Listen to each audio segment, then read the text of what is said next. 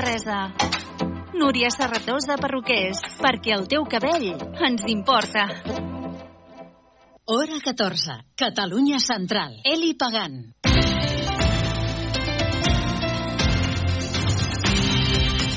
Hola, què tal? Molt bon migdia. Passen 20 minuts de les dues, hora 14, 16 graus al centre de Manresa, amb sol. Mig centenar de pagesos de la Catalunya central s'han reunit aquest dimarts al recinte del Sucre a Vic per donar suport a les mobilitzacions que s'estan fent arreu del país. Després s'han dirigit en marxa lenta fins al punt de confluència de la C-17 i l'eix transversal a Gurb i han tallat aquesta via. Els pagesos tenen permís per tallar la C-17 i l'eix durant 36 hores, però celebraran una assemblea per decidir si una part es dirigeix cap a Mercabarna, una de les accions que han tingut lloc avui als pagesos en aquesta jornada de dimarts. Josep Gut, Guitar, és d'Unió de Pagesos al Bages. Diu que estan en desacord amb les mesures sanitàries, però reclama que siguin per a tothom igual i aquesta és la reivindicació. Sabem, per exemple, que eh, aquestes zones d'aquí d'Osona, Bages, també es fan molts cereals.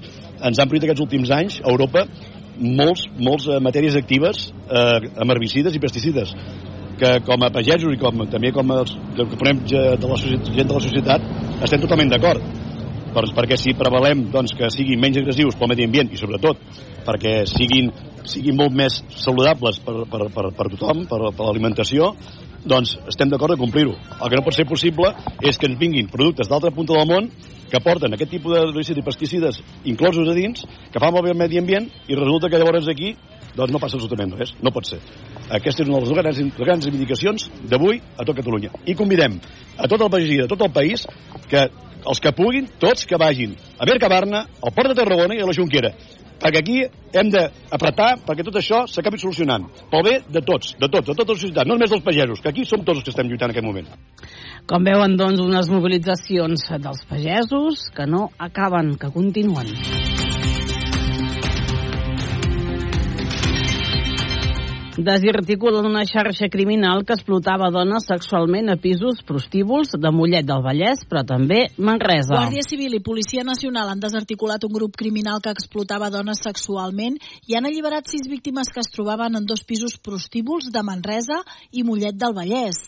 El grup estava liderat per un home i una dona que obligaven a les noies a estar disponibles les 24 hores del dia i les feien viure en condicions d'insalubritat. Els agents han detingut 10 individus per presumptes delictes de tràfic d'éssers humans amb fins d'explotació sexual, prostitució contra els drets dels ciutadans estrangers i per organització criminal. Segons apunten fons policials, l'organització captava les víctimes a països d'Amèrica del Sud. La xarxa delictiva sufragava totes les despeses i tràmits necessaris perquè les víctimes víctimes acabessin instal·lant-se en dos pisos prostíbuls que el grup tenia a Manresa i Mollet del Vallès. Els retiraven els seus telèfons mòbils i passaports. Les informaven que havien contret un deute econòmic amb l'organització que havien de pagar a través dels seus serveis sexuals també les obligaven a estar disponibles les 24 hores i a mantenir relacions sexuals sense protecció.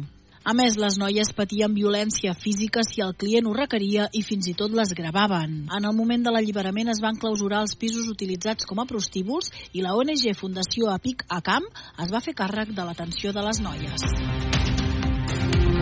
Els jutjats de Manresa acullen aquest dimarts la primera sessió del judici per la baralla que va tenir lloc el 30 de juliol de l'any 2018 a la plaça 11 de setembre de Manresa, quan un grup d'independentistes es van reunir per penjar una estelada i es van veure sorpresos per quatre persones que la volien arrencar i penjar una bandera espanyola.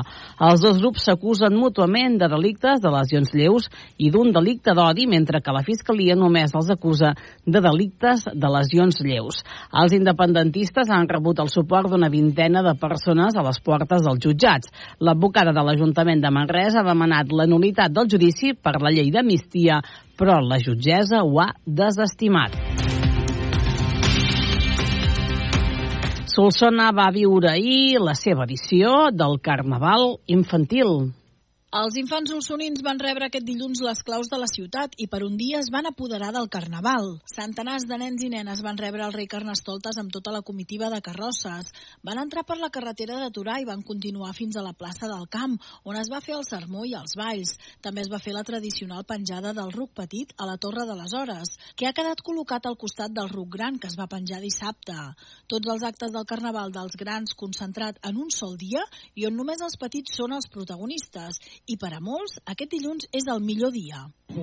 Doncs és un dia per als nens, bàsicament, perquè puguin disfrutar també d'aquest carnaval que, només, que no només sigui pels adults. I també hi ha gegants petits, que són rèpliques dels grans, i són com, són com rèpliques dels grans perquè els petits també els puguin disfrutar i ballar-los i tot això. Perquè és un lloc, és, és una... Eh, bueno, tot el carnaval és una setmana així de molt alegre i el carnaval infantil ho és més perquè és dedicat a, bueno, als nens. Està fet especialment pels nens i les nenes. Doncs molta diversió i jo sóc molt carnavalera. M'encanta el carnaval. Bueno, diversió i... Entre els actes, el sermó que els infants es van encarregar de llegir davant dels assistents, sense oblidar la sàtira i com cada any, el text va comptar amb la col·laboració d'alumnes de totes les escoles de la comarca. Enguany el sermó va fer referència a temes d'actualitat com la sequera, l'entrada de Torà i Biosca a la comarca o l'elevat preu de l'oli. El punt àlgid, però, va arribar amb la tradicional penjada del ruc a la Torre de les Hores. Igual com passa amb la festa per adults, l'acte va reunir centenars de solsonins que es van aplegar a la plaça del RUC per entonar la cançó A Solsona Bona Gent. I un RUC que es despenjarà ja demà dimecres, 14 de febrer, amb aquest final de festa, amb la vella i comiat a la plaça Major i també, com dèiem, la baixada del RUC que està penjat des d'aquest dissabte a la Torre de les Hores.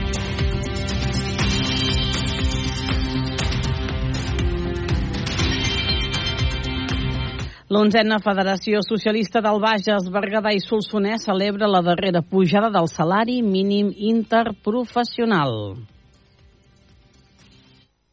L'onzena Federació Socialista Bages, Berguedà i Solsonès treu pit davant l'aprovació a Madrid de la pujada del salari mínim interprofessional. El diputat socialista al Parlament de Catalunya, primer secretari de la onzena Federació Socialista i alcalde de Castellgalí, Cristòfol Jimeno, i el diputat al Congrés, el cardoní Ferran Verdejo, han estat els encarregats d'explicar davant dels mitjans de comunicació els beneficis que suposa aquesta pujada del salari mínim interprofessional a 1.134 4 euros. Verdejo destacava que aquesta pujada beneficia molt especialment als treballadors, que també són els que més han perdut poder adquisitiu davant la pujada de preus. Dels treballadors i, i les treballadores i, eh, com deia, l'eina fonamental és el salari mínim interprofessional i, per tant, doncs, aquesta pujada era, era important i era indispensable. També eh, a les nostres comarques, doncs, eh, sobretot, doncs, també té una gran incidència. El diputat també destacava que aquesta pujada també beneficiarà a joves i dones i que ajudarà també a trencar l'escletxa salarial. I ens en anem ara a la crònica esportiva. L'Ajuntament de Manresa ha presentat el programa d'actes Manresa Ciutat Europea de l'Esport 2024. El programa d'activitats és viu i recull moltes de les activitats anuals que ja s'organitzen a Manresa i n'inclou d'altres d'específiques amb motiu de la distinció de ciutat europea, com pot ser la sortida i l'arribada de la Volta Ciclista a Catalunya femenina el 7 de juny o bé un seminari sobre esport i salut mental. Uh, era un reconeixement a el que ha estat Manresa durant molts anys, no? una ciutat eh, evidentment en l'àlit esportiva eh, des del bàsquet, eh, des del futbol també, eh, però també és una ciutat poliesportiva, no? I que això és el que finalment ens valora, no?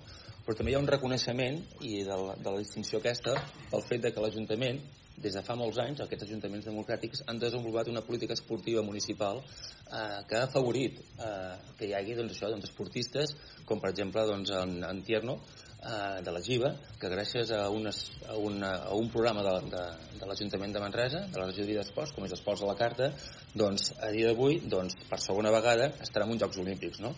Uh, són una sèrie de programes que fa que doncs, sigui una distinció molt important a l'hora de poder rebre aquest reconeixement per part d'Access Europe. No? També s'organitzarà la tretzena festa del futbol català el proper mes de juny i la fase final dels campionats de Catalunya de bàsquet 3x3, entre moltes d'altres activitats. El programa d'actes encara es pot ampliar durant l'any, però s'ha dividit en quatre eixos, un sota el nom Participem, que promou la salut i el lleure, un altre sota el nom Promovem, amb campanyes de promoció de l'exercici i estil de vida saludable, un altre sota el nom d'Aprenem, que inclou seminaris i congressos, i un altre sota el nom de Competim, que inclou la nombrosa activitat esportiva que es celebra a la ciutat de Manresa. Són dos quarts de tres. Molt bona tarda. Dos y media, una y media en Canarias, en el día en el día de la radio, hoy, bueno, en realidad todos los días, pero hoy especialmente os pedimos que no os vayáis hasta el último segundo de este hora 14. Buenas tardes de nuevo. Marta Rovira, secretaria general de Esquerra, provoca otro incendio político con estas declaraciones en la SER en Cataluña. Desde Suiza destapa los contactos que su partido Esquerra mantuvo con el Partido Popular de Feijó. A nosotras, el mes de agosto... A nosotros, en agosto, después de las elecciones españolas, nos vino un diputado del Congreso, Carlos Floriano, y nos propuso que negociáramos, que habláramos, que ellos querían formar una mayoría. Una mayoría. El Partido Popular buscó a Esquerra en agosto y que Partido Puigdemont esto en mitad por en posición sobre un indulto al expresidente fugado, tornado que el Partido Popular ha tratado de aplacar sin éxito, desmintiendo el contenido de un encuentro con la prensa y culpando al mensajero de una mala interpretación. Hora 14. El láser. Con Javier Casal. Mariela Rubio, ¿qué tal? Muy buenas tardes. Muy buenas